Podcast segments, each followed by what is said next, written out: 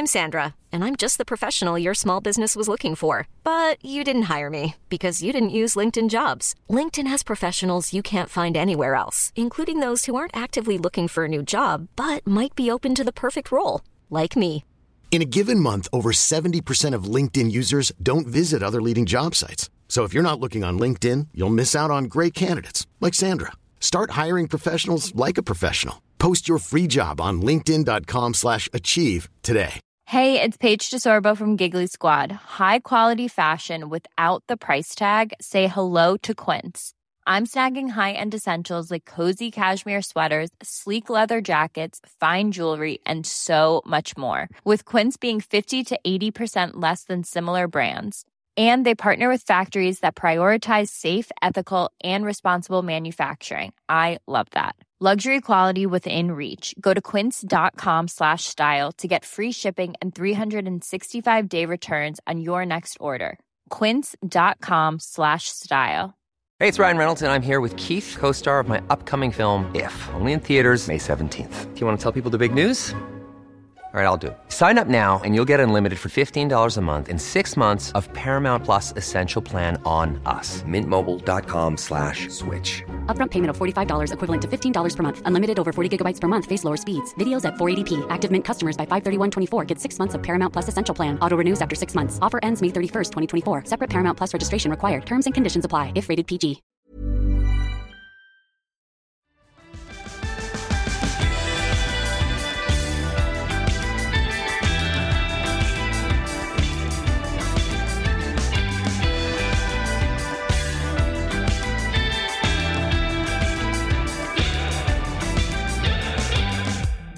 Hei og hjertelig velkommen til tredje episode av den nye podkasten Afrikansk politikk.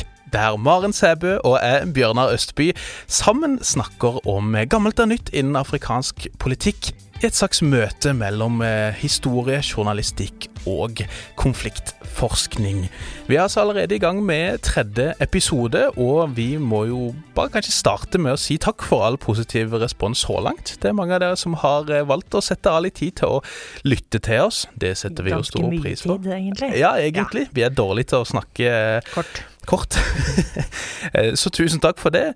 Og så kan vi jo eh, kanskje være så ydmyke og be om at hvis du liker det vi driver med, og det håper vi jo at dere gjør, så setter vi jo kjempestor pris på både om du abonnerer på podden der du laster ned dine podkaster, sånn at du får med deg de nye episodene, men også enda bedre om du vil Gi oss fem stjerner der du eh, laster ned podkaster. Kanskje skrive en liten anbefaling eller lignende, sånn at flere får høre om denne podden. Og om ikke om det glade budskap, så i hvert fall budskapet, da. Så det hadde vi satt stor pris på.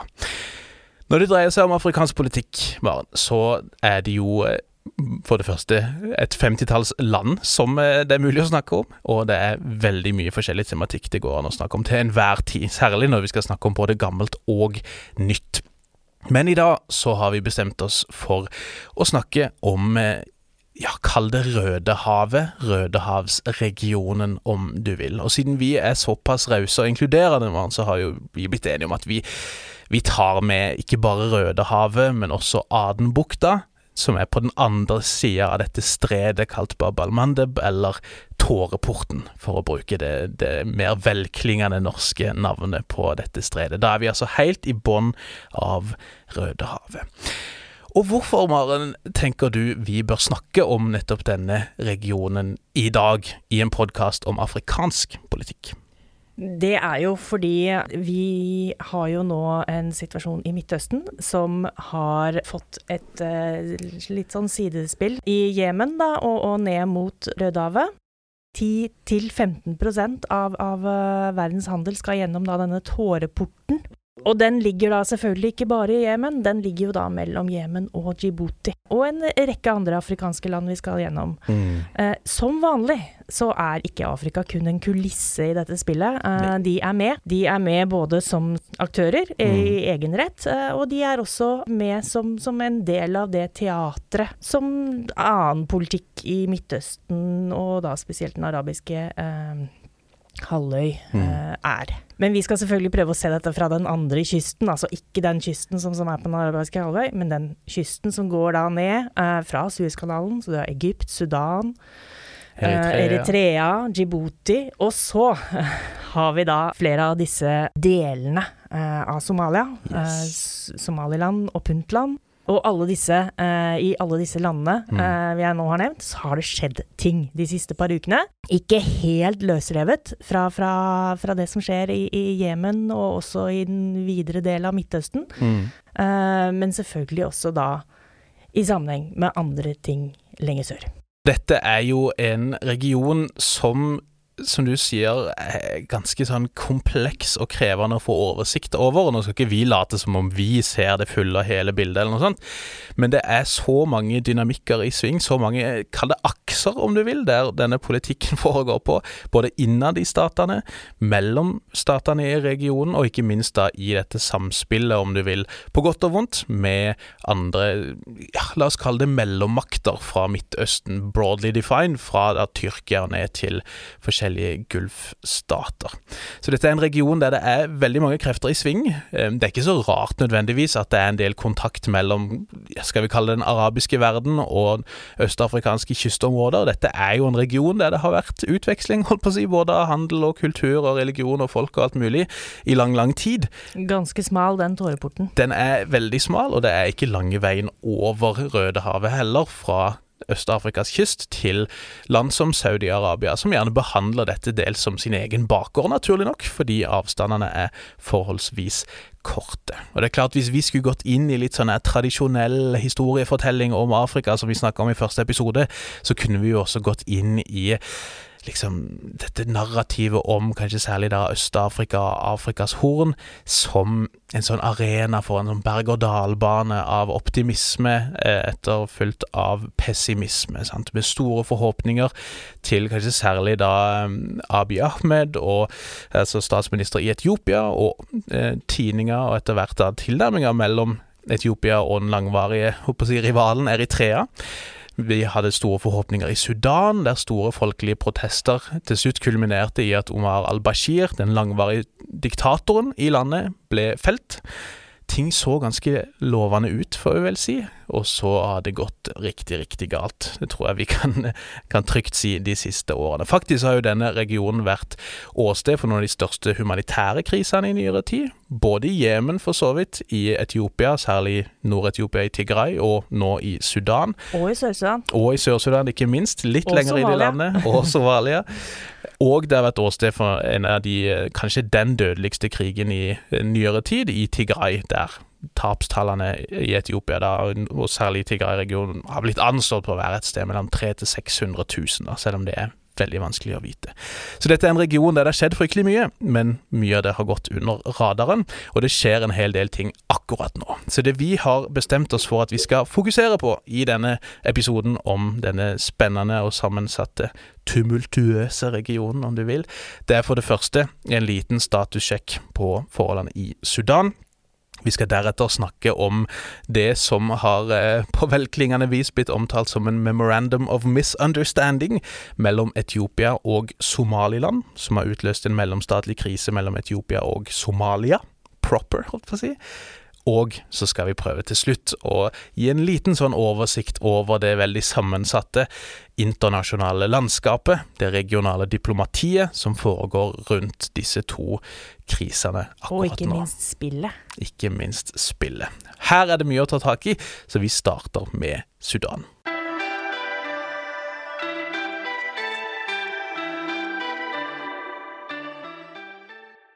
Situasjonen i Sudan den har jo gått fra vondt til verre og til Mm. enda verre, uten at vi har eh, sett så veldig eh, mye på det herfra. Det starta jo, eh, og dette har vi snakka om før, dere kan søke opp den episoden. Vi hadde en spesialepisode om Sudan i, i våres, eh, eller forrige vår, da. Podkasten Hva skjer med verden? Som jeg også Ja. driver. Yes.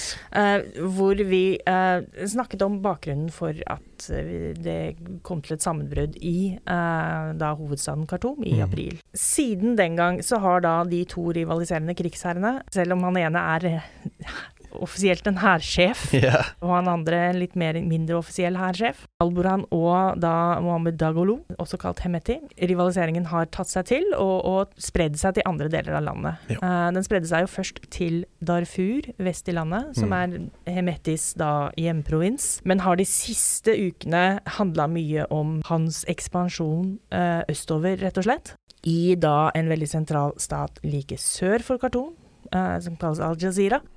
Den offensiven har gått gjennom hele vår juletid og, og nå ut på nyåret, og eh, ser ikke ut til å eh, avta. Nei. Den offisielle sudanske hæren er på retrett, og militsstyrkene til Hemeti er på fremmarsj. Mm. Og så er det jo, Man kan få litt inntrykk kanskje oppi dette her at dette er en konflikt som til syvende og sist handler om to egoer. General Al-Burhan på den ene sida. SAF bruker man gjerne da for, som forkortelse for den sudanesiske hæren. Og Hemeti på den andre leder for disse Rapid Support Forces. Og, og vi skal ikke legge skjul på at disse nok har store egoer. De har eh, lenge samarbeida til tross for en del mistillit og rivalisering, fordi denne RSF-styrken da opprinnelig fungerte som en slags kuppvern for tidligere diktator Omar al-Bashir, inntil vokteren til slutt fjerna sin sjef. Mm. det var militæret som tok lid, men det var et samarbeid der lenge. Men så har de falt ut med hverandre. Og, og det er kanskje lurt da, tror jeg, um, å forstå disse mer som ledere for to konkurrerende business-imperier, på en måte. Ja, et slags to konglomerat. Ja, det kan du Eh, godt si. sånn som egentlig slåss om, om det som finnes av business og, Mm. og, og rikdommer i Sudan nå. De har på hver sin måte eh, bygd opp, eh, det må du hvis du er sudansk politiker, Mhm. eh, bygd opp et slags nett av, av foretak og, og, politiske allianser, eh, hvor de begge sitter på toppen og bruker de penga de tjener, på, selvfølgelig føre krig mot hverandre. Det betyr ikke at de også har eh, litt forskjellig syn på verden og har litt forskjellig politisk ståsted, men, Mm. men det betyr eh, at de, dette også handler om eh, kontroll over ressurser, og selvfølgelig da på, på et eller annet sted i fremtiden eh, kontroll over selve eh, Sudan. Det så lenge ut til at man ville få en slags eh, deling av Mm. landet, ettersom som Dagolo eller Hemeti da hadde sitt sete eh, vest i landet, i Darfur, mens hærsjefen og hans eh, folk sammen med en masse flyktninger fra Khartoum satte opp sete i Port Sudan Mm. ved Rødehavet. Senere begynte man å snakke om at det ikke bare var en todeling av landet, men, men rett og slett en, en balkanisering, eller somalisering, som Mm. vi sier i Afrika, hvor eh, flere fraksjoner vil si, prøve å sikre sine områder, da særlig Blånilen og uh, Nubafjellene eh, sør i landet, Ja. grensa mot Sør-Sudan, og, og muligens også Kordofan. Men nå Mm. virker det som, som Hemeti har kontroll i, i Kordofan. Så er det fortsatt litt uavklart midt i der et sted, og så er rett og slett her en ja, på retrett. Det som kanskje taler mot et sånn Libya-scenario, ser flere påpeker også, er at i Libyas tilfelle, der har de jo i praksis endt opp med to rivaliserende regjeringer. En Mm. basert i Tripoli, som er den internasjonalt anerkjente, som ligger vest i landet, og en i Benghazi i øst. Mm. Um, der da denne her opprørgeneralen, såkalt uh, Halifa Haftar, uh, har forsøkt da, forsøkt seg for noen år siden på å ta kontroll over hele landet. Blant annet med hjelp fra RSF, som uh, fikk litt trening der, som de også gjorde i Jemen, da de kjempa på vegne av Emiratene og Saudi-Arabia. I Li- Libyas tilfelle så har jo begge regjeringene tilgang til havet. Som gjør at det er litt mer levedyktig å, si, å sitte på hver sitt hue over lang tid. Det vil du ikke ha med en, en sånn todeling av Sudan. Da har du en gjeng i Port-Sudan som har tilgang til Rødehavet, og en som ellers ikke har det. Sant? Som, som skulle tilsi at det vil være mer naturlig for en Hemeti å prøve å få å avansere østover mot havet for å få den tilgangen. Særlig gitt hans tilknytninger til Emiratene i Gulfen, så, så vil det være nyttig. Så, så sånn sett så er det vel kanskje mer sannsynlig enten da, som du sier, med en større fragmentering, med rivaliserende maktsentra utover disse to polene, eller da at Hemeti og RSF i hvert fall på kort sikt lykkes med å etablere en viss kontroll over store deler av landet, inntil det eventuelt vil møte mer motstand fra lokalt hold. da. Det virker som eh, Dagolos mål eh, helt klart er hele veien til kysten. Han har ikke tenkt til å stoppe. Som du sier, han har eh, tjent seg ganske god og rik. Ja. Hans businessimperie begrenser seg ikke til Sudan. Han tjente mye på å leie ut sine egne soldater, både til Jemen, som du sa, og til Libya. Og, og har veldig sterke kontakter bl.a. i Emiratene, og tror han kan vinne dette. Det, det, ser man helt klart hvordan han fremstiller seg nå, med sine internasjonale reiser og, og, rundturer, rett og slett, i, i, regionen. Han mener han har eh, overtaket, eh, det har han kanskje også, og, og, har på en måte gått over i en modus hvor han begynner å fremstille seg som en slags statsmann, og ikke en militsleder, som er, jo er det han er. Så langt så, så, så er situasjonen i, i Sudan uh, uavgjort, eller yes. uoppgjort. Det, det, det, er som vanlig én tapende part. Uh, det er selvfølgelig de sivile. 7,7 millioner uh, er nå på flukt internt eller eksternt i Sudan. Veldig mange av de som var flyktninger i Sudan, mm. sånn som en hel masse sørsudanere, har måttet returnere til en annen konflikt.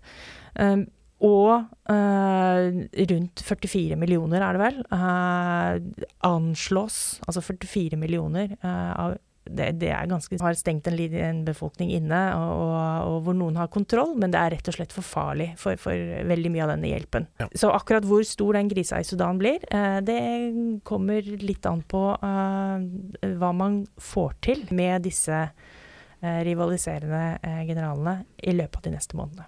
Det er meldt om omfattende matusikkerhet, såkalt, og det er snakk om at nesten fem millioner ligger på det nest mest kritiske nivået det mest kritiske nivået er jo det som har blitt rapportert om på Gaza nå, i noen, mm. noen tilfeller. Og, og jeg har sett rapporter fra humanitære som frykter at man vil gå opp på det katastrofenivået. Altså ja.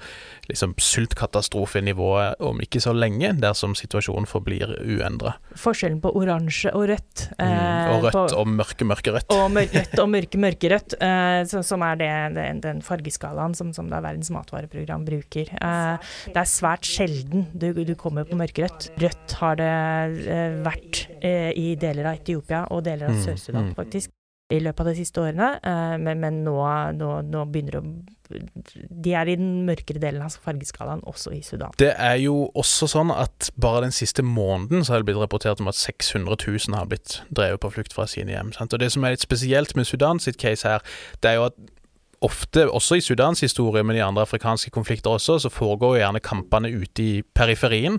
I Sudan så kom kampene til Khartoum, hovedstaden, fra dag én, mer eller mindre. Som betyr at en stor andel, et sett over tre millioner av de som er drevet på flukt, har blitt drevet på flukt fra hovedstadsregionen. Og mange av de har jo forflytta seg sørover, sørøstover, til annet denne byen Wad Medani, som det nå har vært kamper om, eh, der RSF da har tatt kontroll, tilsynelatende, i denne offensiven østover. Som betyr at en del av de som inngår i denne statistikken på over 7,7 millioner fordrevne, har blitt fordrevet flere ganger, antagelig. Når det kommer til sånn tapstall, hvor mange har blitt drept og sånt, det er notorisk vanskelig å få innsikt i. Det kan faktisk hende vi tar en egen episode om det en gang, men eh, Særlig i Darfur har det jo gått hardt for seg når det kommer til sivilbefolkninga. Det er noen anslag Det som typisk går rundt av anslag på totale dødsfall, er 12 000-13 000. Jeg lurer på om det har starta, om det er innenriksministeriet og FN, men ofte vises det også til denne konfliktdatabasen A-kledd. Mm. Sistnevnte er avhengig av journalistiske rapporter. Det er veldig mm. vanskelig for journalister å få tilgang til disse med sårbare områdene, så det er all grunn til å tro at det er betydelig underrapportering, for å si det sånn, da, av dødsfall. Og i Darfur så har det jo vært rapportert om ganske mange massakrer, særlig mot den sivile masalittbefolkninga, som har vært såpass målretta og såpass omfattende at det har blitt snakka om vi kanskje ser et nytt folkemord i Darfur ca. 20 år etter det forrige. Og Det har vært snakk om flere tusen som har blitt drept, antagelig, i, i eh, El Geneina, var det vel.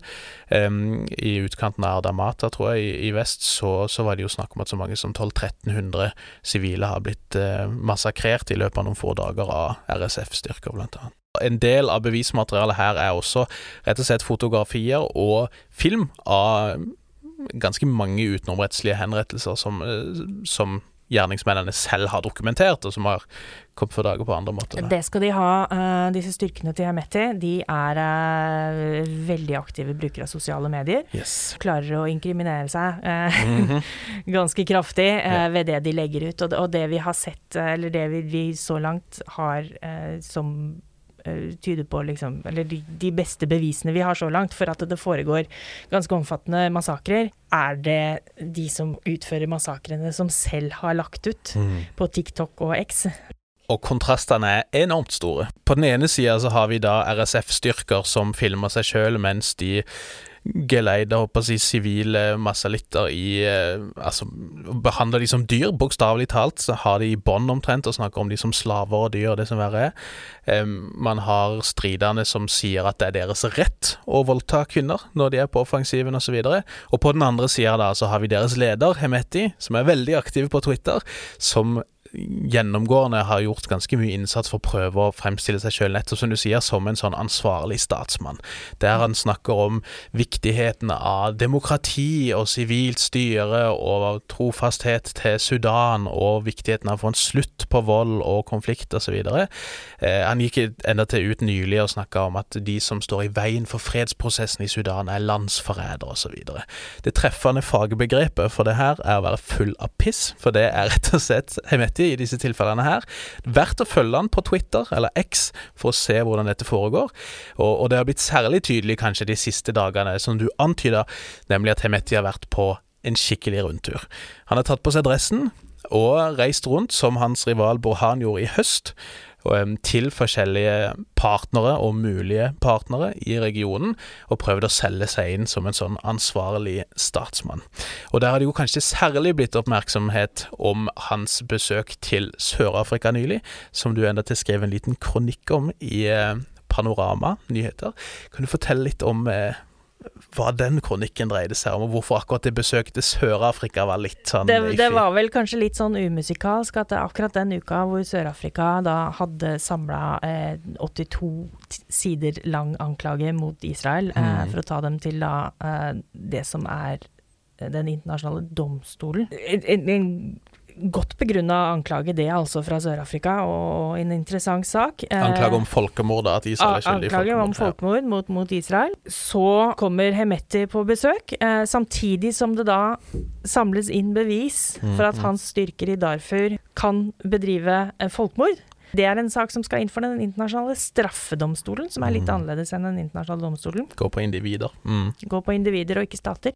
Hemeti flyr til Sør-Afrika, tar president Ramaphosa i hånda og smiler. Og det det, det, ble lagt merke til på sosiale medier, at det kanskje ikke var helt musikalsk. Det var selvfølgelig en del av en større eh, diplomatisk eh, rundreise eh, som Hemeti foretok. Han har besøkt eh, William Roto i Kenya, ble tatt imot med rød løper og dans og sang på flystripa i Nairobi. Vært i Etiopia, besøkt Abiy Ahmed. Det kanskje mest umusikalske, syns jeg, ut, utover liksom smilinga til Ramaphosa i Sør-Afrika, eh, var jo i Rwanda. For der eh, Først så så det ut som president Paul Kagame ikke hadde møtt Hemeti, og folk var liksom sånn Ja, det mm. var en bra move, på en måte. Ja. Eh, så viser det seg jo at han hadde i aller høyeste grad møtt Hemeti, og at han enda til hadde tatt med seg Hemeti på dette folkemordmuseet i Kigali, som er til minne om, om dette grusomme folkemordet i 1994, som vi for øvrig skal komme tilbake til å ha en serie om litt seinere. Og det fremstår jo om mulig enda mer eh, tonedøvt å ta med en fyr som det er ganske gode argumenter for at er skyldig i å, om ikke har kommandert det, så i hvert fall vite om et potensielt folkemord ja, til et sånt minnesmerke. Jeg syns faktisk det er ganske groteskt, for å være ærlig. Det er jo ikke bare det. altså Hemeti har jo en fortid også. Dette starta jo mm -hmm. ikke i fjor. Det Hemetis styrker nå gjør i Darfur, er noe lignende Hemeti og hans folk gjorde i Darfur i perioden 2003 til 2006. Der har jo internasjonale domstoler i aller høyeste grad slått fast at uh, det som skjedde var forbrytelser mot menneskeheten. Hemetis, og for så vidt hans rival Burhans tidligere sjef Omar al-Bashir, er jo fortsatt da ønsket til å forklare seg for domstolen om det. Så, så det er ikke første gang at Hemeti eh, anklages for, for eh, svært grove forbrytelser. Hele denne eh, diplomatiske runddansen den ble jo avslutta eh, denne uka. Yes. Da Hemeti eh, reiste til et møte i den, eh, altså den regionale sammenslutningen IGAD, yes. Intergovernmental Authority on Development, mm -hmm. som er en, en, en artig blomst som kom til på 80-tallet i akkurat den regionen vi snakker om i dag, for å forhindre tørke og for å styrke matsikkerheten. De ble jo senere veldig eh, engasjert i, i, det som endte opp med å bli eh, prosessen fram mot en ny stat i regionen, Sør-Sudan, og har vært veldig engasjert da i den situasjonen i Sudan. Det ser ut til at de har satt endelig punktum for sitt engasjement nå denne uka. Eh, dette spilles inn på fredag, mm. så i går var Hemeti i eh, Kampala i Uganda og møtte de andre heads of state, eller de heads of state som eh, hadde lyst til å møte opp yes. i, i, IGAD. Og hans rival Burhan ville da ikke dra til Kampala fordi Hemeti dro dit. Som kan vise seg å være en tabbe. Og det ga jo da Hemeti nok en eh, mulighet for en liten sånn eh, foto-opp. Denne gang da både med FNs generalsekretær sin spesialutsending til Sudan, og med EUs spesialutsending til Afrikas Horn. De smilte ikke like bredt som, som Ramaphosa, så eh, det, det, de det var litt mer alvorlig i ansikt, og det, det, tror jeg det taler til hennes fordel. Yes. Så skal det sies, da, før vi går videre til neste del, at vi, vi skjønner så klart godt at diplomati kan innebære at du må holde for nesa litt. Så det er ikke poenget, men det går an å være litt mer subtil og diskré.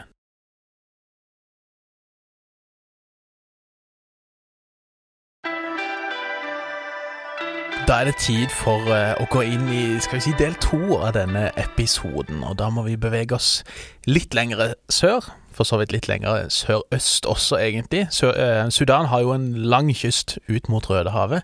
Hvis du følger det nedover via Eritrea før Djibouti, så kommer du jo etter hvert til denne tåreporten vi snakka om. Dette her eh, lille spriket mellom eh, Jemen og Djibouti. Og, og, da kommer vi til dette hornet, såkalt, eh, som, som, jo er litt sånn selvbeskrivende. Hvis du ser på kartet, så ser det litt ut som et eh, horn, egentlig, der Rødehavet da går via denne tåreporten og ut i Adenbukta, såkalt. Og langs det strøket her så har det jo også vært en hel del å snakke om i det siste, som stort sett har hatt å gjøre med Etiopias jakt på tilgang til havet. Etiopia er jo da et såkalt landlåst land, som det vel heter på, på norsk. Landlocked. På dårlig norsk, ja. På dårlig norsk, som, som, rett og slett ikke har direkte tilgang til havet. I, I, gamle dager, da Eritrea var en del av Etiopia, så hadde man jo det, men etter Eritreas uavhengighet i 1993, så har ikke Etiopia lenger hatt tilgang direkte til havet. Så vidt jeg vet, så tror jeg Etiopia altså Det sies at det er verdens største landlåse land. Det tror jeg må handle om innbyggertallet, for Etiopia har eh, godt over 100 eh, millioner innbyggere. Vil vel etter noen estimater kunne nå opp til 150 millioner i løpet av dette århundret, i hvert fall. Og sånn sett så kan man godt forstå, tenker jeg, at, at uh, Etiopia har interesse av tilgang til havet for handel og rett og slett forsyning av diverse goder som denne enorme befolkninga trenger. Og til nå så har jo Etiopia egentlig kun hatt tilgang via Djibouti, via en vei og en jernbane som har gått ut dit. Djibouti da som ligger helt liksom i, midt i dette stredet her. Um, motsatt ende da fra Jemen. Men siden i høst så har eh, Abiy Ahmed, statsminister og fredsprisvinner i Etiopia, snakka ganske høylytt om viktigheten av at Etiopia må få seg ei havn. Og innledningsvis så kunne det jo virke veldig som at den havna Abiy hadde lyst på, var i Eritrea. Tidligere etiopisk territorium, da, i og for seg.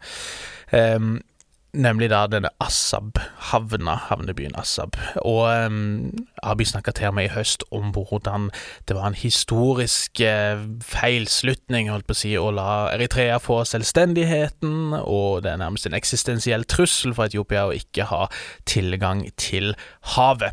Og han har jo brukt retorikk også som, som kan vitne om at han er villig til å gå ganske langt for å få denne tilgangen som har gjort et forholdet til Eritrea har kjølna ganske mye igjen. Sant? Vi snakka tidligere om at det lenge var et uh, veldig anspent forhold mellom uh, Etiopia og Eritrea, da Etiopia ble leda av denne EPRDF-regjeringa med TPLF, dette partiet fra Tigray, i uh, spissen, som har vært på en måte erkerivaler med lederen i Eritrea, Isaias Afwerki, i mange år. Kjempa en veldig blodig krig for litt over 20 år siden. Og møttes da igjen egentlig først etter Abiy Ahmed ble statsminister og man fikk på plass en sånn slags fredsavtale da, i um, 2018, vel, som leda disse to partene sammen, der de kjempa side om side mot TPLF, eller TDF, Tigray Defense Forces, i denne Tigray-krigen som her er mellom 2020 og 2022. Det så en stund ut som, som eh, dette her skulle surne såpass mye vis-à-vis Eritrea, som da tidligere jeg sa kjempa mot TDF, det gjorde de også, men de har også fryktelig mange sivile liv på samvittigheten i Tigray, skal det sies. Men, men, det kunne se ut som det altså det, det, var jo skrevet en del i høst, særlig om faren for en ny krig på hornet mellom Eritrea og Etiopia, som vi hadde sett før. Men så har det jo skjedd noe de siste ukene. Mer spesifikt 1. januar. For da kom det ganske bardust, tror jeg, på de fleste, en uh, kunngjøring fra Etiopia og Somaliland om at de hadde inngått en såkalt Memorandum of Understanding for å sikre Etiopia tilgang til havet. Og Når vi snakker om Somaliland, så er jo det noe annet i og for seg enn Somalia. og Dette kan bli litt sånn forvirrende, men for de som enten har et kart foran seg eller kan se det for seg i huet, så strekker jo Somalia seg da egentlig på en måte rundt. Det åler seg liksom rundt hornet, bretta rundt Etiopia, om du vil og er da egentlig satt sammen av eh, noen eldre kolonier. Sånn, I gode, onde gamle dager, kan vi si, så var jo Djibouti fransk Somaliland. Mm. Vi hadde britisk Somaliland, som på en måte lå på toppen av hornet, om du vil, der dagens Somaliland ligger. Og så har vi eh, italiensk Somaliland, som da er måte, Somalia proper, altså området rundt Mogadishu, og dagens Puntland, såkalt, som ligger helt liksom oppe i toppen av, helt på tuppen av hornet. Altså, tror jeg vi må komme med en disclaimer her. Vi, vi er ikke Somalia-eksperter. Vi syns jo dette er noe av det mest kompliserte uh, vi kommer over når vi har et land som er delt i flere deler, uh, mm. og vi ikke helt intuitivt har kronologien i vårt eget hode. Nei, nei. Så britisk Somaliland, dagens Somaliland, var jo selvstendig som separat, bare altså, jeg tror det var ei drøy uke eller noe, før det ble mm. slått sammen da med italiensk Somaliland, som har blitt da det vi i dag kjenner som Somalia, som den internasjonalt anerkjente staten Somalia etter internasjonal lov, da, om du vil. Men siden 1991 så har jo Somaliland i praksis styrt seg sjøl. Eh, blitt en slags utbryterrepublikk, og blitt kjent egentlig som en slags, kall det liksom fredens oase, nærmest, i en ellers veldig eh, konfliktfylt region, der det har vært i hvert fall mye større grad av stabilitet og sikkerhet enn i eh, Somalia for øvrig. Og ikke bare det, men, men, siden de da har fungert som en litt sånn stabil del av Somalia ved siden av da altså denne lille Djibouti, mm. så har de også vært ikke en, en, slags havn for Etiopia, sånn som Djibouti har vært, men, men, i hvert fall bidratt til. Det går ganske mye handel også da. Mm. Fra, mellom Addis og Hargeisa da, i, i, ja, i Somaliland. Hovedstaden i Somalia. Ja, ja og, og, veldig mye økonomiske bånd da, uh, mellom ja. Etiopia og, og Somaliland. Mm. Mens forholdet til det som er Somalia-propper, på en måte, eh, aldri har vært eh, spesielt eh, hjertelig i Addis. Nei. Også For å komplisere det ytterligere, så er det jo en stor somalisk befolkning også i Etiopia. Sørøst i landet, i det som ofte kalles Ogaden-regionen. Og, og, vi skal komme bitte litt tilbake til noe av denne forhistorien eh, seinere. Men 1. januar, altså, så kunngjorde Etiopia og Somaliland da, at de hadde inngått en memorandum of understanding, som siden eh, på litt sånn velklingende vis har blitt kalt memorandum of misunderstanding. Og grunnen til det er at det er noen ting vi vet, og så er det noen ting vi ikke vet. Og av de tingene vi ikke vet, så har partene sagt litt forskjellige ting som har ganske store konsekvenser potensielt.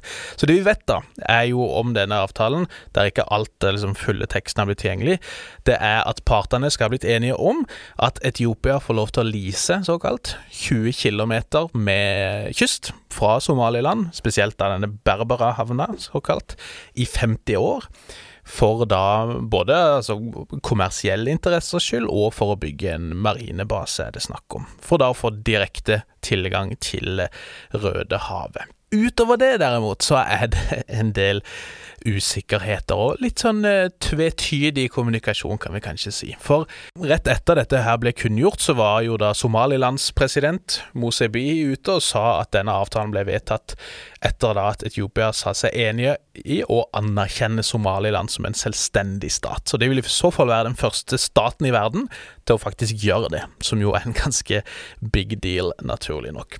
Også Somalilands utenriksminister gjentatt at avtalen hviler fullt og helt på etiopisk anerkjennelse av Somaliland, og har sagt at dette er på en måte nokså enkelt. Etiopia trenger tilgang til havet, vi trenger internasjonal anerkjennelse, og her kan vi åpenbart da finne et, et enkelt sted der vi kan få til et godt samarbeid. Her er det også da viktig å minne på at uh, Den afrikanske union har fortsatt sitt hovedkvarter i Addis Abeba, yes. uh, så det å, å få Eller en slags anerkjennelse fra, fra, Etiopia. Det er ikke sånn at de får hele kontinentet på kjøpet, men, men, men det, det, det, ville vært et varp for det er symboltungt, kan vi vel godt Svært si. Svært symboltungt. Ja, ja.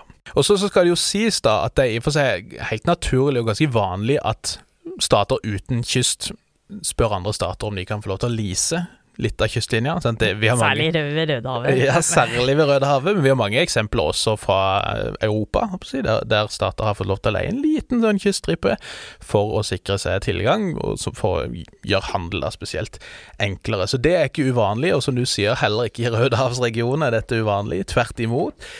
Vi har jo sett Djibouti nærmest finne sin egen lille sånn nisje, med rett og slett bare lise ut deler av kystlinja til alskens forskjellige internasjonale mariner i praksis. Djibouti er jo en eneste stor marinebase, eh, yes. eh, og da en stor havn. Eh, I tillegg til å være havn for eh, både Etiopia, men også Sør-Sudan. Og det går trafikk hele veien ned til Kenya og Uganda derfra. Mm. Og, og, inn i Kongo og Sentralafrikansk republikk. Mm. Det går mange veier fra Djibouti, rett og slett. Det er det stedet hvor, hvor all matvarehjelpen til en veldig ustødig mm.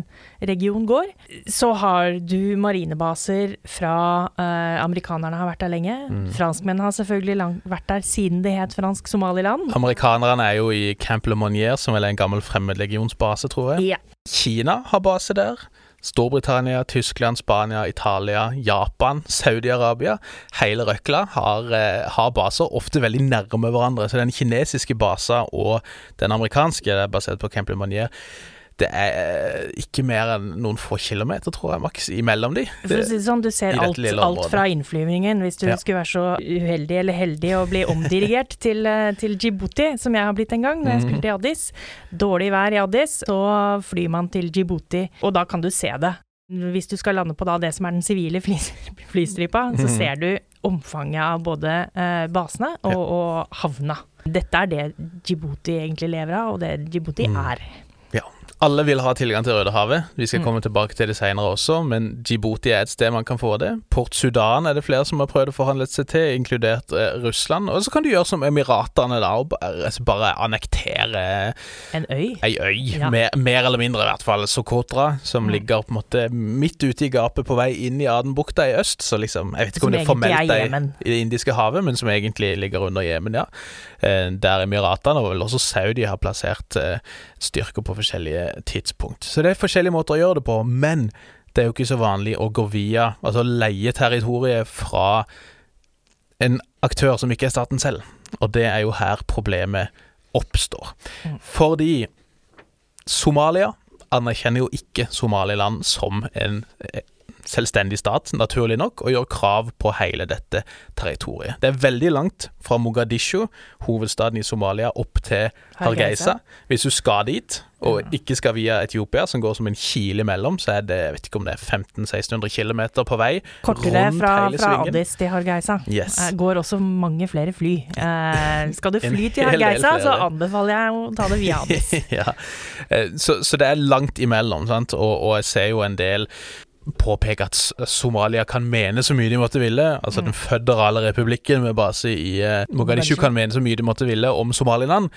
Og de kan godt påpeke at de har formelt sett jurisdiksjon over dette territorium, men de facto, såkalt, eller en de jure, så heller ikke i jussen, men i praksis, så er dette et område som har vært prega av selvstyre egentlig da i, i 30 år. Godt og vel. Det, det, som er, det, det, som er, Somalia rundt Mogadishu der, de har jo mm. ikke kontroll på det området engang. Eh, for de har jo fortsatt da eh, ganske store utfordringer med Al Shabaab. Og i Somaliland så har de absolutt ingen kontroll. Nei, men likevel så gjør de krav på den kontrollen. Ja. Og det er jo her da problemet ligger. For nå har det jo da oppstått en krise mellom Etiopia og Somalia, der Somalia oppfatter Etiopias Memorandum of Understanding med Somaliland som et eh, mer eller mindre direkte angrep på Somalias suverenitet, territorielle integritet og interne anliggende. Det er liksom kjernen i internasjonal lov, håper jeg, og staters rettigheter er de punktene der.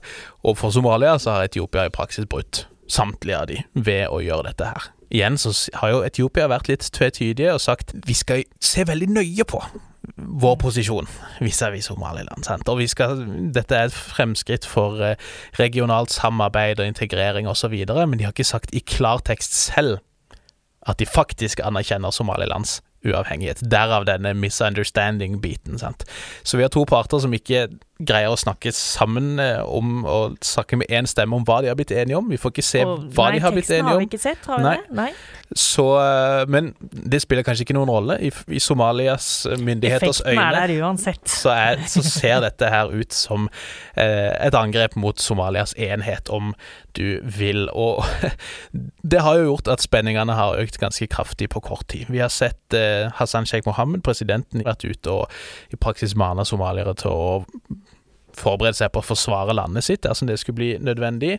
Fungerende utenriksminister i landet, Ali Omar, forklarte nylig eh, i et intervju at eh, jo da, Al Shabaab, disse islamistene med bånd til Al Qaida, de skaper jo usikkerhet, men de er ikke noen trussel mot Somalias suverenitet, uavhengighet eller enhet, i motsetning til denne avtalen mellom Somaliland og Etiopia, som er en trussel mot alle de punktene der. Så Derfor er det mye viktigere å gå hardt ut mot Etiopia og by implication Somaliland kontra Al Shabaab. Det er én ting man ofte blir enige om i Somalia, og det er hvem fienden er. Eh, og Etiopia og Somalia har en De har et litt sånn Tyskland-Frankrike på 1800-tallet-forhold.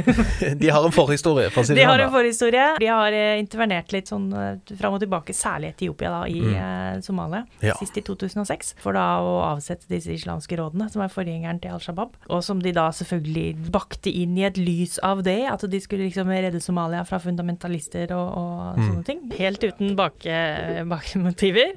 Eh, men som da konsoliderte selvfølgelig den støtten Al Shabaab fortsatt eh, har. Mm. Dessuten så er det mange etiopiske styrker i denne AU-styrken Atmis. Tidligere ja. Amisom. En av problemer med, med alle regionale styrker i denne regionen, er at alle har interesser i hverandres land og styrker i hverandres land. Yes. Det var jo litt sånn, sånn grunnprinsipp. Det er en grunn til at styrker fra Skandinavia eller Irland eller andre steder ble sendt på fredsbevarende oppdrag under den kalde krigen. Mm. Det var et poeng at du ikke skulle ha naboland som hadde åpenbare interesser av å gå inn med militære styrker eh, hos sine naboer. Sant? Men det prinsippet har jo endret seg veldig, og det ser vi jo særlig da i afrikanske fredsbevarende operasjoner. Mm. Veldig ofte naboland veldig ofte med sine interesser og agendaer, som, som eh, rykker inn. Og Så er det så klart denne forhistorien også med Ogaden-krigen på slutten av 70-tallet. Det skjedde vel i en kontekst med litt sånn somalisk irredentisme, når du har ambisjoner om å forene større områder utover eksisterende grenser. Der det da som sagt er en stor somalisk befolkning også øst i, i Etiopia. Så, så, man har en forhistorie her med mye klabb for å si det sånn, som, eh, som, gjør at Etiopia kanskje Uten at noen av oss er eksperter på Somalia, så virker det som at Etiopia har en særskilt evne til å forene somaliere om somalisk nasjonalisme, om du vil. da. Og det kan jo hende man vil se en, en, en lignende effekt nå.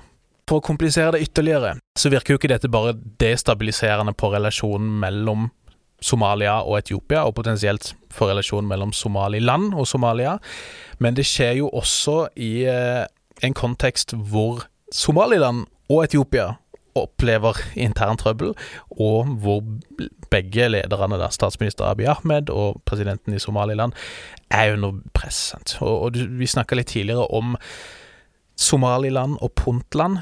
Somaliland gjør jo krav på å være en selvstendig, uavhengig stat. Puntland, som ligger helt på tuppen av det afrikanske horn, de ønsker jo å være en del av den føderale staten, sant? så ha litt selvstyre, men tilhører Somalia. Og mellom disse her, mm. sånn et sted midt ute på tuppen der, så er det jo et område der man ikke er helt enige om hvor grensene skal gå. Og i fjor så blussa det opp kamper der i, eh, særlig rundt en by kalt Lassanod, mellom styrker fra Somaliland og særlig da medlemmer av Dulbahante-klanen, som bor i området, som var ganske harde. Kosta mye penger og mange liv, og Somaliland styrka vel til slutt opp med å forlate området. Som ikke har vært veldig populært, å si. Både kostnaden og, og, for så vidt også denne omdømmekostnaden, kanskje. Virker å ha, ha gjort presidenten litt mer upopulær blant hvert fall deler av denne Isak-klanen som dominerer i Somaliland. For som sagt så har jo Somaliland blitt sett på som en veldig mye mer stabil, velfungerende del av Somalia.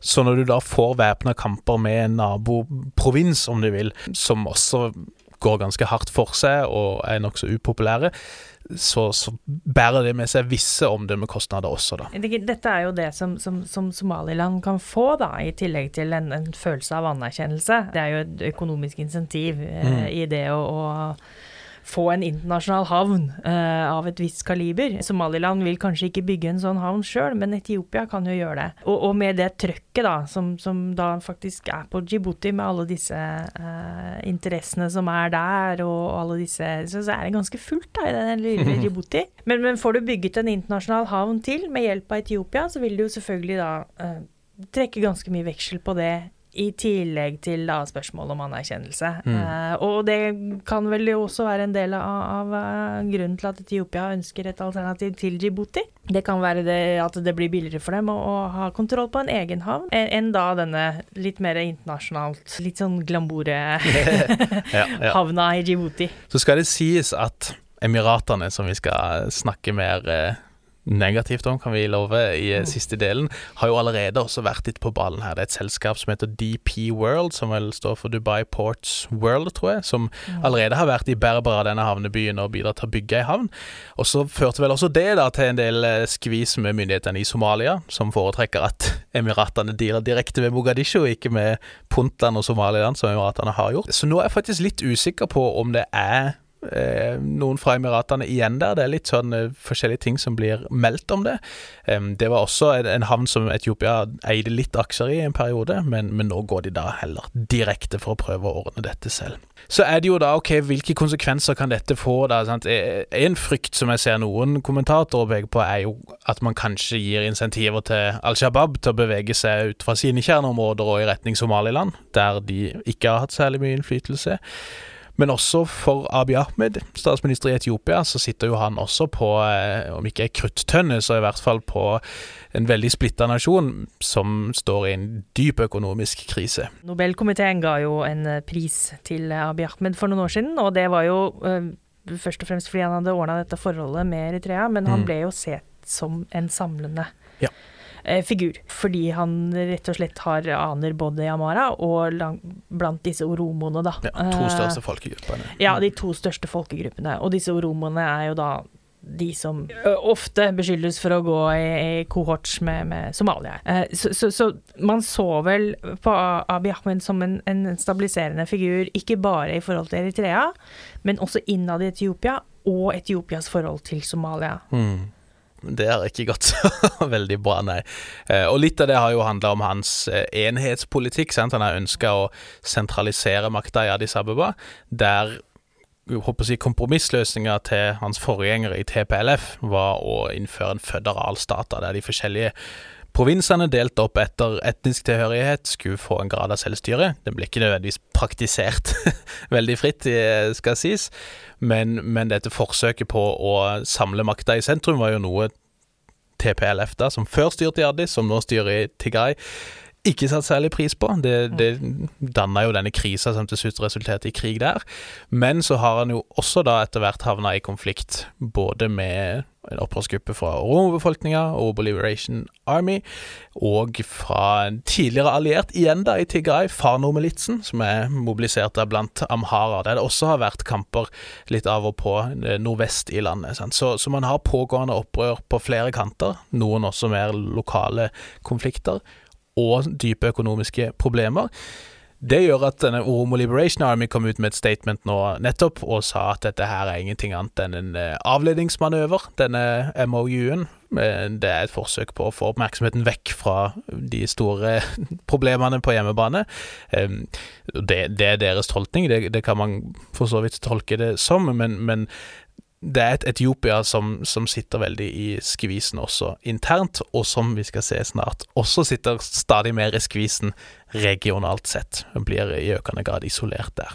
Så kan man jo så klart spørre seg har hvis altså, Etiopia skal ha en marinebase, har de egentlig midler til det? Og det kan godt hende det er utenforstående stater, som Emiratene f.eks., som har investert mye i eh, militæret til Etiopia, som kan bidra.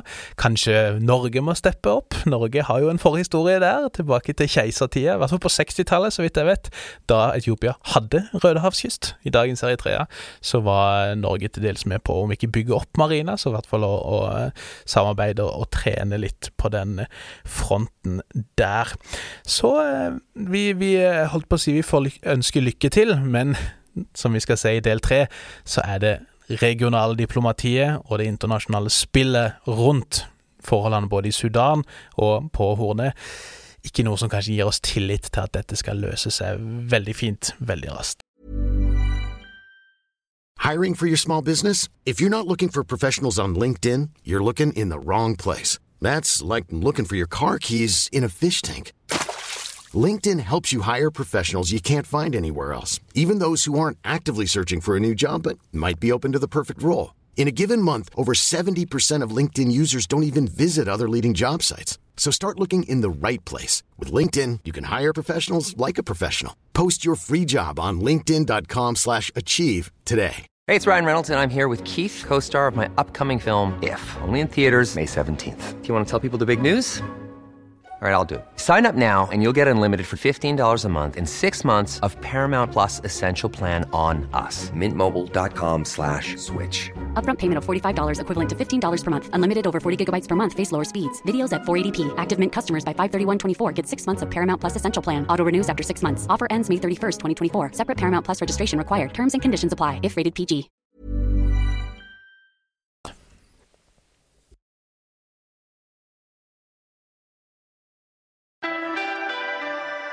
I denne siste delen så skal vi prøve å samle trådene litt igjen, til å se litt bredere på denne Rødehavsregionen, men også da hvordan denne står seg si, i et bredere internasjonalt perspektiv, med de aktørene og dynamikkene som utspiller seg der. For når vi gjør det, så ser vi jo at selv om det ikke nødvendigvis er en tett sammenheng mellom situasjonen i Midtøsten, både når det gjelder Jemen og eh, krigen i Gaza, så er det likevel ganske stor overlapp mellom de forskjellige aktørene som er involvert, mellom de forskjellige interessene som kommer til uttrykk i deres posisjoner underveis her, som gjør at det til syvende og sist egentlig henger ganske mye sammen, eh, og på en måte som dessverre er i de afrikanske statenes disfavør, eller rettere sagt i de afrikanske sivilbefolkningenes disfavør, eh, om, om vi kan si det sånn.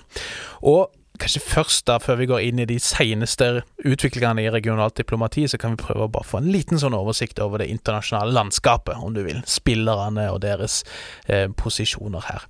Og da er det jo kanskje lett bare å tenke liksom sånn, Folk snakker om det er en ny kald krig, enten mellom Russland og USA eller Russland og Kina. Dette er liksom stormaktenes domene. Men det er ikke egentlig helt tilfellet, kanskje, i denne regionen. Vi har et veldig godt eksempel her på at verden ikke er bipolar, men multipolar. Vi tok jo en liten tur ned kysten fra Egypt til Somalia i stad. Nå kan vi se på den andre sida av vannet. Der er jo Saudi-Arabia, Yes. eh, og da selvfølgelig Jemen. Da har vi Oman, da. Inne i Gulfen der, der ligger jo liksom Emiratene og Qatar og alt det der andre. Litt lenger opp ligger Tyr Tyrkia, og så har du Iran over vannet der igjen, og, ikke sant. Så, så, så det er mye, mye på den sida av, den, eh, av Rødehavet også. Men det som er viktig for oss, er hvordan en del av disse statene agerer eh, når de er sør. For, for Rødehavet. Vi har vært inne på det allerede, at eh, krigen i Sudan har en del forgreininger. Eh, altså Hemeti, denne ene krigsherren i Sudan, hans absolutt mest avgjørende støttespiller utenfor Darfur, er nok Emiratene. Og det er Emiratene som, som har vært med å, å, å bygge opp. Dette har gått fra en, en litt sånn lokal milits i Sudan til å, å bli en, en regional player med hjelp av Emiratene, og ikke minst fordi Emiratene og Saudi brukte rett og slett eh, sudanske aktører. Både hæren for så vidt, og denne militsen til Meti, men mest eh, militsen til Meti, i sin krigføring i Jemen. Yes. Ja. Jeg har sett Emiratene, ja, noen forskere har beskrevet det som en slags sånn surrogatkrigføring. Um, og altså sånn, hvis, hvis man skal begynne å snakke om liksom eh, moderne imperialisme, så kan jo eh, Emiratene et godt studie å starte med. Altså, for De har jo med å rett og slett outsource kriginga til andre, og de velger ofte eh, strategier som om det er bevisst eller ikke, vet jeg ikke, men som er veldig destabiliserende. Sant? Så i Jemen så har jo de Der oppstår det jo etter hvert en viss sånn sprik mellom Saudi-Arabia, som støtter den gamle regjeringa, og Emiratene, som støtter opp om separatister. Mm. Vi har sett de støtte opp om RSF, som tror liksom står for en total statskollaps i Sudan, mer eller mindre. De har støtta denne opprørergeneralen Halifa Haftar og hans Libya. Libyan National Army i Libya der også RSF eh, ble hyra for å krige. Mm. Og de har det med å legge seg på eh, ja, på linjer som, som er, rett og slett virker destabiliserende. Som sagt, også i Somalia har det vært et trøblete forhold til tider med sentralmakta i Mogadishu, fordi man har deala mer direkte med andre delstater, og Somaliland også, og trent deres styrker og lignende. Vi snakka om sånne businessimperier i stad, mm. og, og Emiratene er jo helt klart også det, og ikke minst en viktig bank. Mm. Det er et sted hvor du kan flytte penger til, eh, flytte penger rundt og kjøpe deg ting. Og så går det jo så fryktelig mange sånne Emirates-fly mellom en rekke afrikanske hovedsteder og, og, og, Dubai, både for å ta ut og deponere penger mm. og gull og diamanter. Jeg ser liksom for meg Dubai som litt sånn en eh, Moss Isley-kantina i Star, Star, Wars, der ja. liksom alskens eh, skurker samles. og ja, Hvis du skal spore hvor en del ymse verdifulle mineraler og ressurser eh, som har blitt smugla ulovlig av væpna grupper i Afrika havner, så er det veldig ofte på markedet i, i Dubai, i Emiratene. da. Det ser vi jo da med mye virksomheten til RSF, med gull og lignende.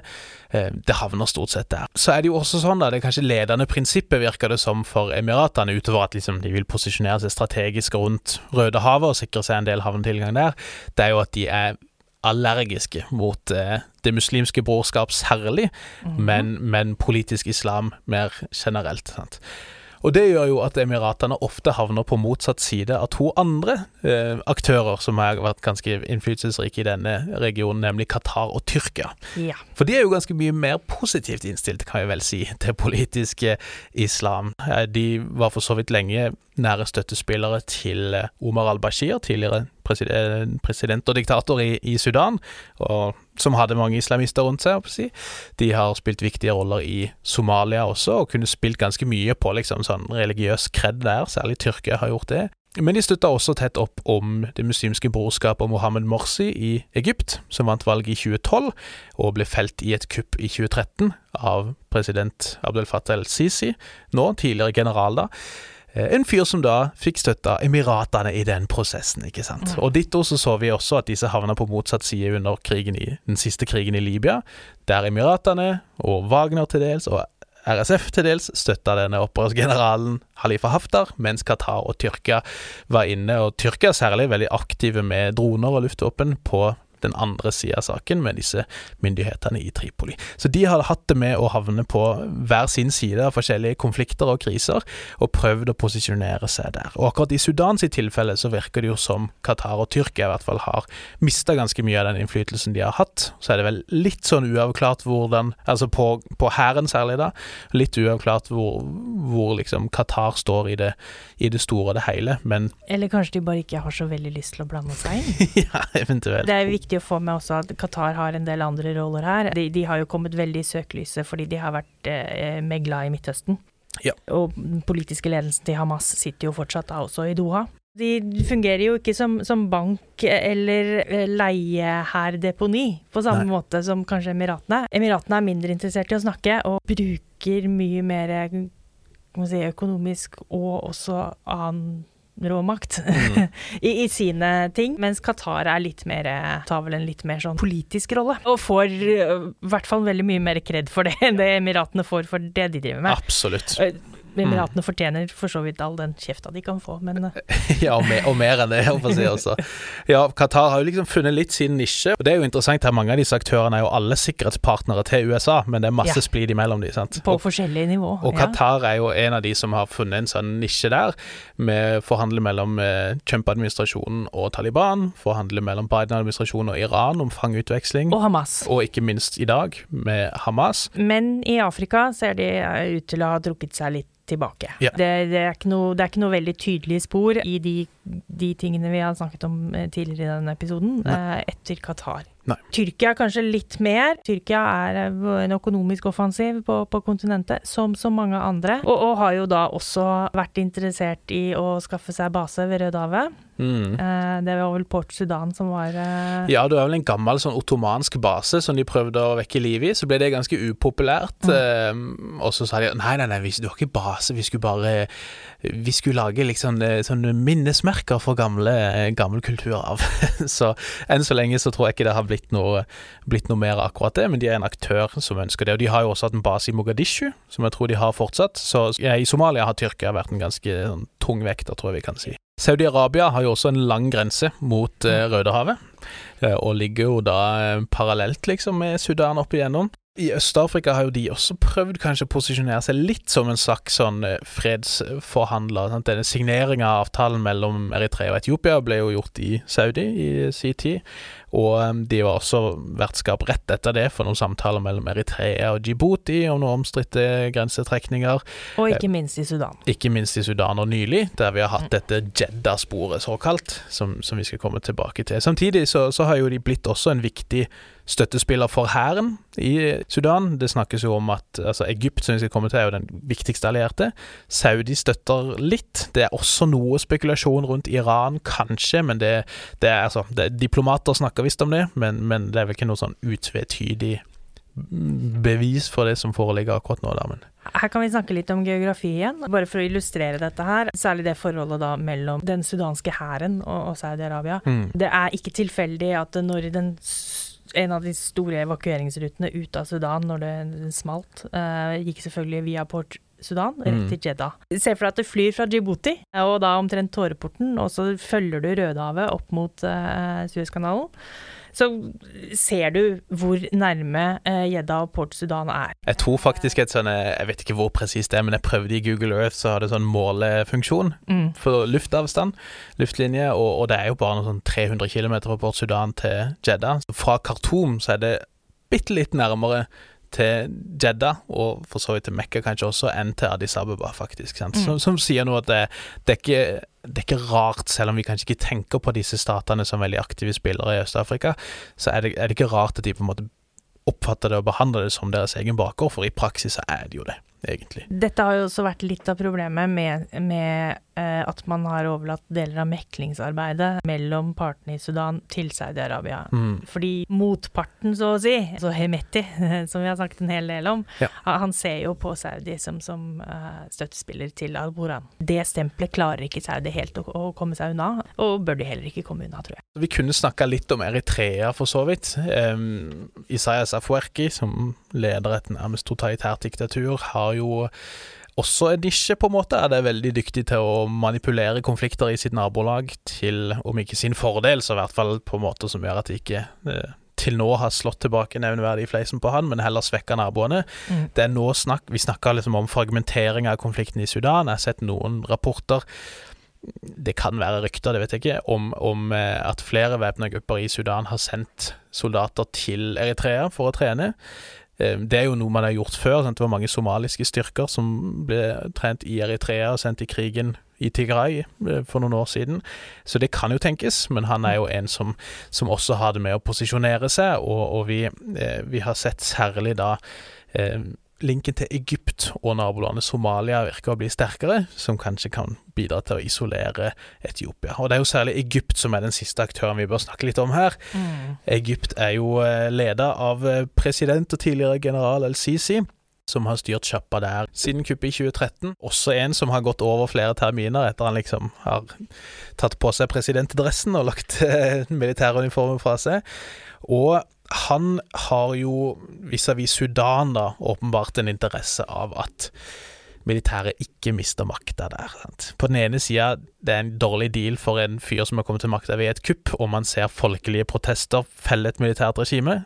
Det er ikke han særlig begeistra for, naturligvis, men det vil jo heller ikke være en god presedens dersom en væpna gruppe som RSF lykkes med å i praksis da velte staten og ta kontroll selv. Sant? Så han har jo liksom, hans egeninteresser, så er det åpenbart viktig at hæren ikke mister kontroll over Sudan, eller i hvert fall ikke over de viktigste eh, administrative sentra. Og derfor så støtter han jo tett opp om, eh, om den sudanesiske hæren. Vi skal jo også huske at det var et rykte, eller i hvert fall eh, en, en, påstand om et sterkt rykte, om at egyptiske flygere var kommet til Sudan eh, mm. for å hjelpe al-Burhan ved å hamle opp eh, med RSF, som utløste kampene i Khartoum. Ja. Ja.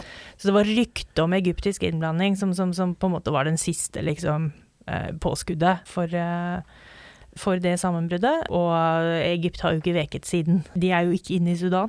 De har nok med å ta imot de som kommer ut, mm. og har vel heller ikke all verdens lyst til å å blande seg så veldig, men den politiske støtten går helt klart til den ene parten. Vi snakker mye om Rødehavet, men det er andre håper å si, vannførende årer som er veldig viktige også i denne regionen, nemlig Nilen. Mm. Og nettopp den har jo også vært en kilde til betydelige spenninger, og tidvis også til militære trusler fra Egypt særlig, via, eller altså vis-à-vis -vis, Etiopia men der også Sudan lenge har vært skeptiske og hatt et litt sånn vanskelig forhold til eh, Etiopia pga. denne renessansedemninga, såkalt denne GERD-demninga, som eh, skal demme opp da liksom der Nilen starter i, i, Etiopia, for å kunne da produsere strøm både til befolkninga der og for å eksportere dette, men som da Sudan og Egypt, som ligger downstream, men nord, det er vanskelig mm. å se for seg, det renner oppover, men nedover fra høyfjellet i Etiopia, oppover på kartet, eh, har jo naturligvis vært veldig bekymra for at eh, vannførselen i Nilen skal bli drastisk redusert, ettersom det er jo liksom livåra. Du ser jo det de store byene sentralt i Sudan ligger langs Nilen. Ditto, altså hele den egyptiske sivilisasjonen har alltid vært avhengig av Nilen. Det har ført til store spenninger. Jeg så senest nå i november, så var jeg kilder i Egypt ute og sa at forhandlingene om Gerd og om liksom hvordan den skal fylles, og i hvilket tempo, og eh, forsikring om det ene og det andre at det var nådd en dead end. Det, det, var ikke noe vits å holde på lenger, angivelig, selv om det har vel vært ei lita stund siden de verste militærtruslene. da. Men så Etiopia og Egypt har et vanskelig forhold. Sudan og Etiopia har også Altså, det har vært kamper, ja, har vært kamper på, ja. på grensa der, i et sånn omstridt område vest i Etiopia. Eh, som, som, pågikk til dels parallelt med krigen i Tigray. Så, så her er det mange aspekter eh, å holde styr på på en gang. da. Kan jeg snu på det og si at eh, Egypts verste mareritt har jo på en måte kommet eh, Eller har jo skjedd. Man har mista kontrollen over Sudan. Ja.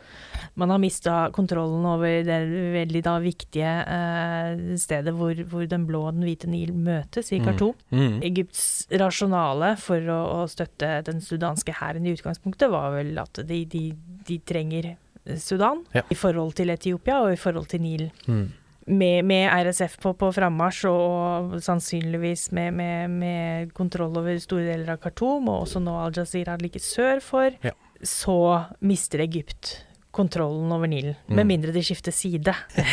og for å gjøre det enda verre, så har du jo også da Gaza-krigen. og sant, Det har kommet i hvert fall 400 000 sudanesiske flyktninger fra sør, har det vært snakk om. Det har vært betydelig press eh, for å ta imot flyktninger fordrevet fra Gaza på andre sida, og så har du i tillegg da grensa mot Libya i vest. Egypt har på en måte nå eh, De har eh, svært alvorlige situasjoner på tre ja. kanter. Ja. Og en dyp økonomisk krise. Og dyp økonomisk krise, ja. og politisk ut å kjøre. Ja. Det ser ikke veldig bra ut. Jeg klarer ikke å si det så veldig mye mer akademisk enn det. Nei, nei. Men, uh... Men det, kan, det, kan, se ut til likevel som Egypt bare de siste dagene og ukene har det er i hvert fall lett å tolke det sånn, har prøvd å, å bidra til å isolere Etiopia ytterligere. Sant? Vi har sett en ny memorandum of understanding igjen da, mellom Egypt og Sør-Sudan på det militære området. Det er i, i dårlige tider man husker hvem som er erkefienden. ja, det er akkurat det. Og det er sånn, da, da våkner liksom Egypt til liv, og så bare ah, Etiopia. ja. ja. og som du sier, Sør-Sudan er viktig, fordi Sør-Sudan har jo da selvfølgelig den andre Nilen. Precisely, sant. Eh, den som kommer fra, fra Uganda og ned, den, mm. den, går jo den, den, skjer jo på en måte, eller den er jo store deler av Sør-Sudan, det er jo ja. en eneste stor sump der eh, liksom, når, når, det er eh, vått. Og der, så vidt jeg forstår, så har de jo egentlig allerede hatt et etablert forhold, men de har i hvert fall en ny MOU der. Mm. Så så har det nettopp vært en egyptisk delegasjon i Eritrea. Eh, og eh, Isaias Afwerki, presidenten i Eritrea, har visstnok blitt invitert til Kairo for samtaler der. Denne delegasjonen som var der, skulle snakke om liksom, koordinering av regionale fellesinteresser og lignende. Somalias president har vært på besøk i Eritrea også, så, så, Etiopia sitter jo potensielt i en situasjon der de blir mer og mer isolert, og i praksis har flere av sine største naboer mot seg. da. Eritrea, Somalia, Sudan, Egypt. Det er godt de har Somaliland, da. Ja, sant. Så dette er jo på en måte da, skal vi si, bildet rundt dette her når man da skal prøve å finne måter å løse disse krisene på, både i Sudan og i den krisa som har oppstått mellom Somalia og Etiopia. Og da sier det seg kanskje sjøl, gitt et så fragmentert og uoversiktlig bilde, så sier det seg kanskje sjøl at diplomatiet også blir komplisert ytterligere av dette her. Og, og vi kan jo kanskje starte med Sudan, der har det jo vært mange forsøk på å få fremforhandla våpenhviler. Det er jo Jeg vet ikke om det har vært 14 Det har vært godt over ti våpenhviler som har blitt prøvd, og alle har gått i vasken så fort de starta, eh, omtrent. Men det har også vært flere forskjellige spor, da, såkalt, med forhandlinger. En har vært i Kairo i Egypt, leda av president El-Sisi der eh, statsoverhoder fra alle nabolandene til Sudan også var eh, til stede. Det skjedde jo vel i sommer, og det har ikke skjedd så mye mer etter det. Så har vi et spor i Jeddah, som sagt, ledet av Saudi-Arabia og USA, hvor også da IGAD, som vi snakker om, den østafrikanske organisasjonen, har deltatt på vegne av Den afrikanske union. Og det er vel egentlig der de sånn strengt tatt de eneste sånn formelle diskusjonene mellom delegasjoner har foregått men de har vært ganske dysfunksjonelle. Nå har det ikke skjedd noe der på en liten stund, og det har ikke vært enighet alltid om hvilken linje man skal ta mellom USA og Saudi-Arabia. USA har ønska å inkludere Emiratene og Egypt, som for så vidt gir mening, gitt at de er de tetteste støttespillerne til de stridende partene. Saudi har ønska å ta opp politiske spørsmål, hvor USA har sagt at det bør vi strengt tatt prate med sivile politikere om, heller enn de stridende partene. Um, og, og, det har gjort at det at de ikke har en felleslinje der, har, har virka ja, forstyrrende på prosessen. Så har vi hatt et siste spor som har blitt veldig aktuelt de siste dagene, nemlig dette IGAD-sporet, såkalt. For der har særlig Kenya og Djibouti, til dels Etiopia, fall prøvd å ta ledelsen, men Kenya og Djibouti har leda et spor der som primært har funnet sted i Nairobi, men med et møte nå de siste dagene i Kampala. og Det er jo der det har vært mest aktivitet i det siste nå, men det kan virke som den prosessen er i ferd med å kollapse. Det, det har jo vært Altså, vi har snakka litt om, om, det der med, med, oppløsning av stater, og når de går i to biter, og når de går i mange biter. Altså den såkalte somaliseringa. Her har vi en, en, en en diplomatiets versjon av somalisering. Prosesser som har gått i mange biter. Og, og, hvor en del av disse prosessene i seg sjøl blir veldig problematiske, og kanskje forsterker eh, de motsetningene mm. som de i, i, utgangspunktet skal løse. Ja. Eh, dette møtet eh, i IGAD nå i Kampala er et kjempegodt eksempel på det. Hvor, hvor et møte som, hvor de skal diskutere alle de problemene de nå står i, mm. ender opp med å bli en uh, ordentlig lite skittshow. Hvor det, det hagler beskyldninger fram og tilbake, og hvor de ikke løser noen ting, men eh, klarer å fornærme, seg, fornærme hverandre mm. eh, i prosessen. Ja. ja. hvis vi tar dette i, i Kampala, da, så stilte jo de fleste lederne opp. IGAD består av Djibouti, Eritrea, Etiopia, Kenya, Somalia, Sør-Sudan, Sudan og Uganda. Og De fleste stilte opp der, men eh, de kanskje viktigste aktørene dukka jo ikke opp. Så general Al-Bohan fra Sudan dukka ikke opp i Kampala fordi general Hemeti var, var invitert. Ja. Og ikke bare var han invitert, han dukka også opp. Veldig glad i sånne smilebilder. Yes. Og det fins en hel del bilder fra denne sesjonen. Følg ham på Twitter. Vi, vi, kommer muligens til å ta og legge ut noen av de bildene. ja, Der står en line-up med, med, gutta boys, inkludert eh, Moseveni, som har med seg tro på hatten. Høy gjennomsnittsalder. Yes. Mange års regjeringstid til sammen. Og bra hatt i game, syns jeg. Tro på ja. hatt og cowboyhatten til Salva Kiir der på plass, eh, mm. as per usual. Um, ingen damer. Ingen damer. Naturligvis, dessverre. Um, så det har jo da på mange måter ødelagt den prosessen egentlig nå, for Sudan da, med Bohan i spissen, har sagt at nå bryter vi båndene til IGAD, så vi er ikke med på dette her lenger. Det dere driver med, med å invitere Hemeti på noe sånt, er et angrep på vår suverenitet, det er innblanding i våre interne anliggende, så dette her gidder vi ikke mer. Etiopia stilte heller ikke opp med en delegasjon, for møtet ble, altså det ble kalt inn av Omar Gelle, president i Djibouti, som ønska å snakke både om Sudan, men særlig om situasjonen på Hornet. Men Etiopia dukka ikke opp da, angivelig pga. noe sånn dobbeltbooking og scheduling issues, eh, ble det sagt. Så de sendte en, en litt lenger ned i systemet istedenfor å sende statsoverhodet? Ja, det var vel ikke Jeg tror knapt det var en delegasjon der, men formannen for IGAD er etioper, så, Ja. så man hadde en etioper i rommet, kan vi si. Ja, ja. Så ble det jo ikke et sånn resultat som nok Burhan hadde likt, og kanskje kunne vært unngått dersom han var der, men i den liksom konklusjonen som kom derfra, så ble det jo eh, slått fast fra IGAD at eh, annet at republikken Sudan tilhører ikke kun konfliktpartene. Så liksom eh, wink, wink, husk det. Eh, de krevde en umiddelbar våpenhvile. De understrekte at IGAD har ansvar for at befolkninga sin vilje skal bli lytta til håper jeg, i Sudan, men ba også partene da om å møtes ansikt til ansikt i løpet av to uker. På den eh, Etiopia-Somalia-Somaliland-disputten, som virka som kanskje var viktigst for eh, Djiboutis president, han kalte det her, den fikk egentlig påfallende lite oppmerksomhet.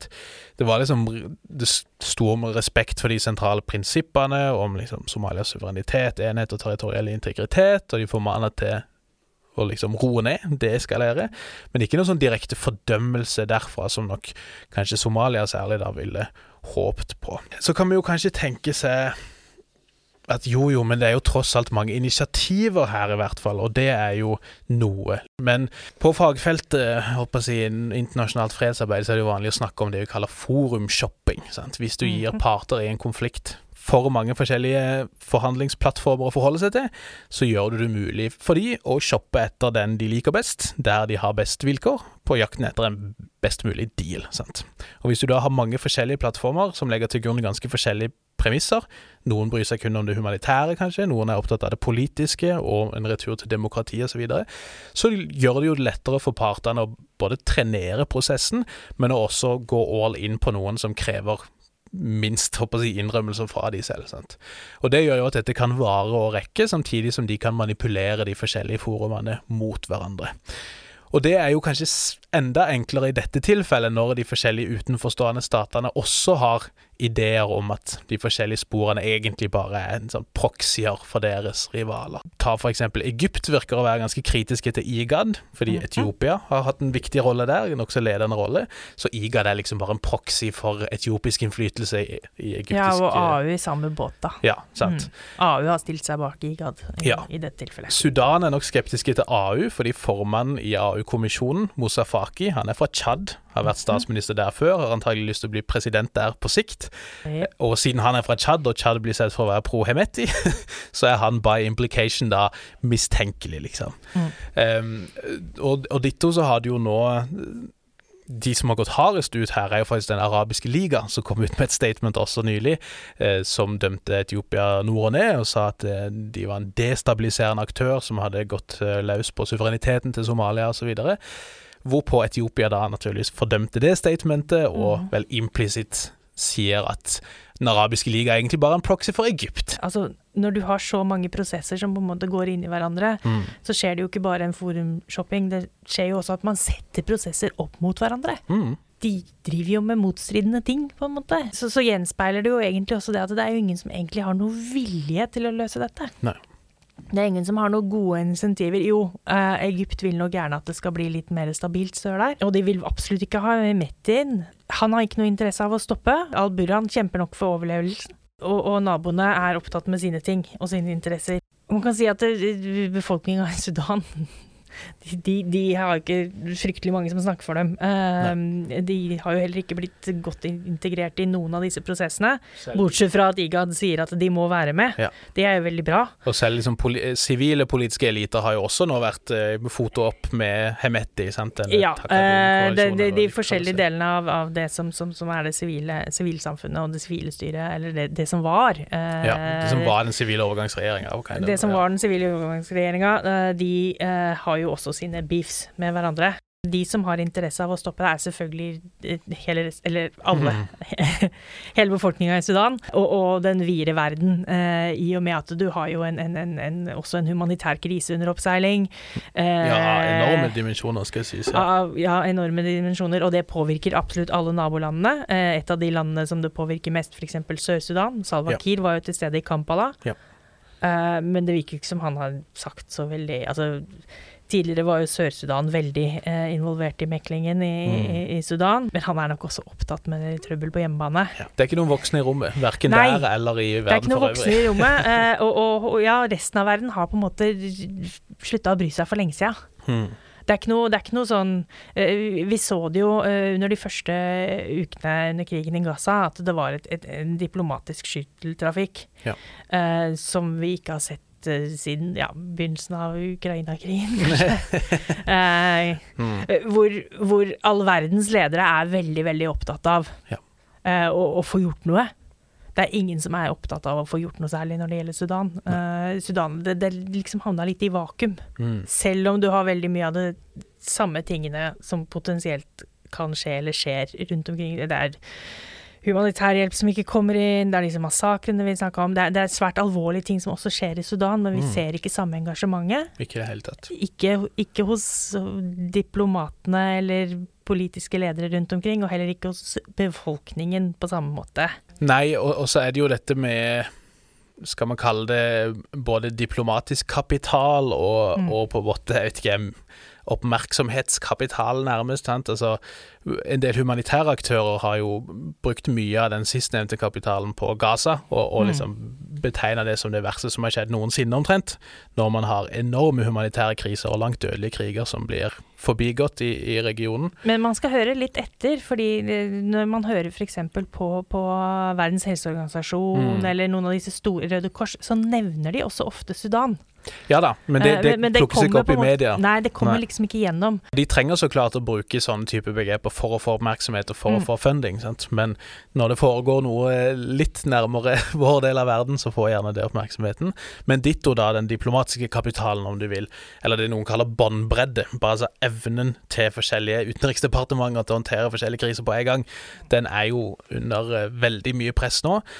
Flere av disse aktørene som potensielt kan få til noe i Sudan og på Hornet, er antagelig langt mer opptatt for det første av Gaza, men også av situasjonen rundt Jemen og ikke minst Iran. Sant? Altså Du har iranske allierte som houthiene, som driver og lobber missiler på sivil skipstrafikk. Du har plutselig Iran og Pakistan, som driver og bytter på å bombe Baluchi-minoriteten på hver sin side av grensa.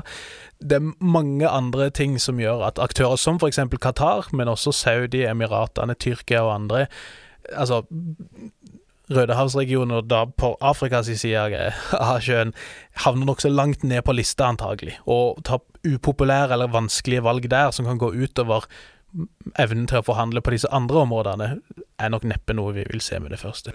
Man kan jo si at det, det som, som, vi nå ser skjer med houthiene og, Jemen, altså det at man, man, har hatt en veldig lang eh, og blodig krig eh, og konflikt i Jemen, mm.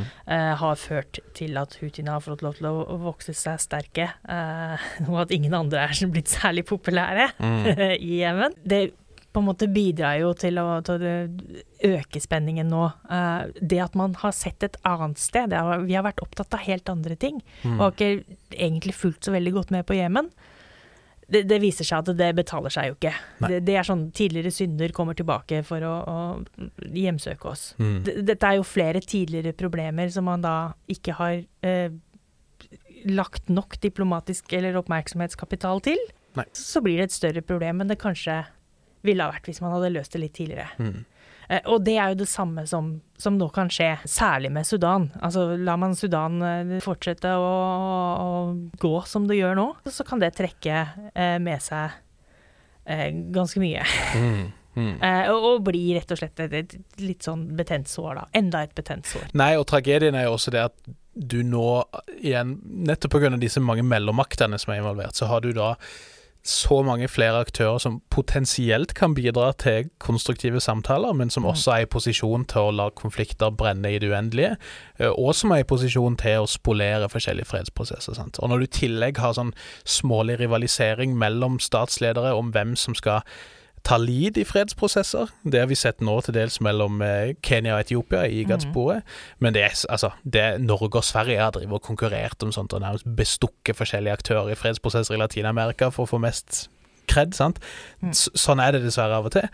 Og når du har så mange sånne uromomenter, da, så, så, så, gjør jo ikke det ting noe lettere. Så får vi se nå. Har eh, AU utnevnt et sånn high level panel for eh, Sudan. Det er snakk om at eh, Obasanjo, den tidligere nigerianske presidenten, som også var utsending i fredsprosessen mellom Etiopia og, og Tigray, håper jeg, si, eh, han skal kanskje på tur igjen og, og, se om han kan få mekka litt. Så det skjer jo ting. Men også mm. innad i IGAD så er det jo land som Uganda og Kenya som nok er vel så opptatt av situasjonen i DR Kongo, der vi ja. også også har sånn syv millioner internt fordrevne, eh, som også krever en del oppmerksomhet.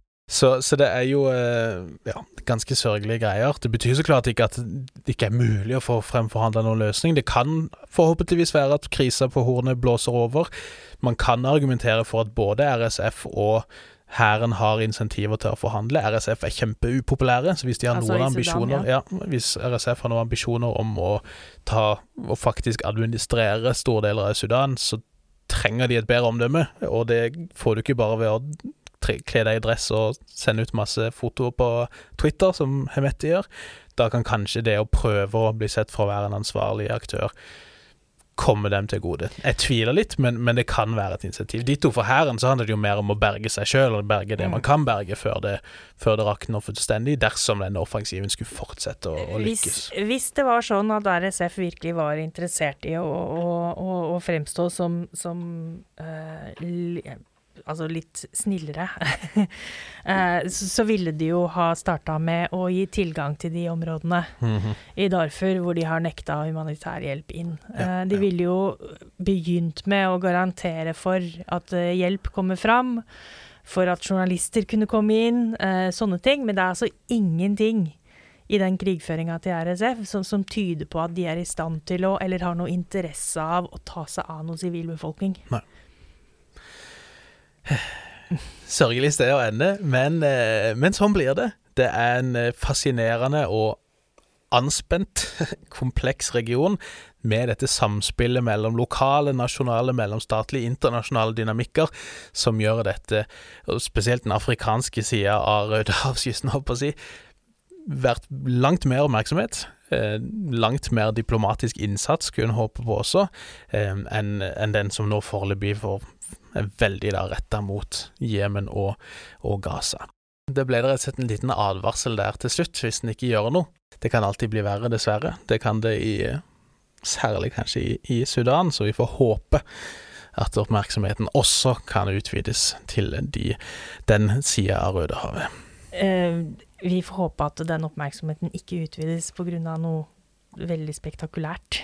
Ja, for nå, nå, spiller vi jo inn på fredag, denne kommer ut på mandag. Så ja. hvis det skjer noe i løpet av helga, så, så får ikke vi det med oss akkurat nå.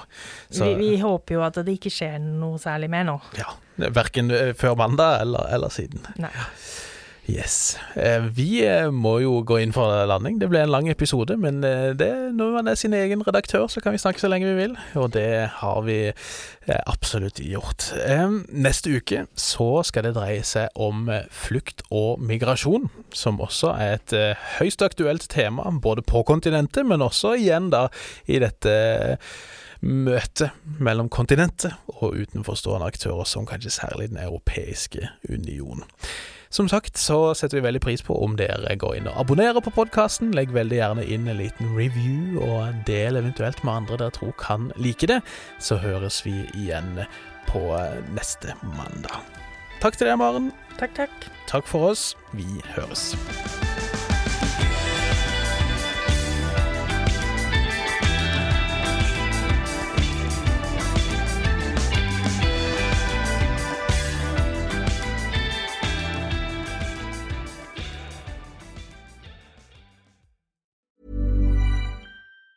Planning for your next trip? Elevate your travel style with Quince. Quince has all the jet setting essentials you'll want for your next getaway, like European linen, premium luggage options, buttery soft Italian leather bags, and so much more. And it's all priced at 50 to 80% less than similar brands. Plus, Quince only works with factories that use safe and ethical manufacturing practices. Pack your bags with high-quality essentials you'll be wearing for vacations to come with Quince. Go to quince.com slash trip for free shipping and 365-day returns.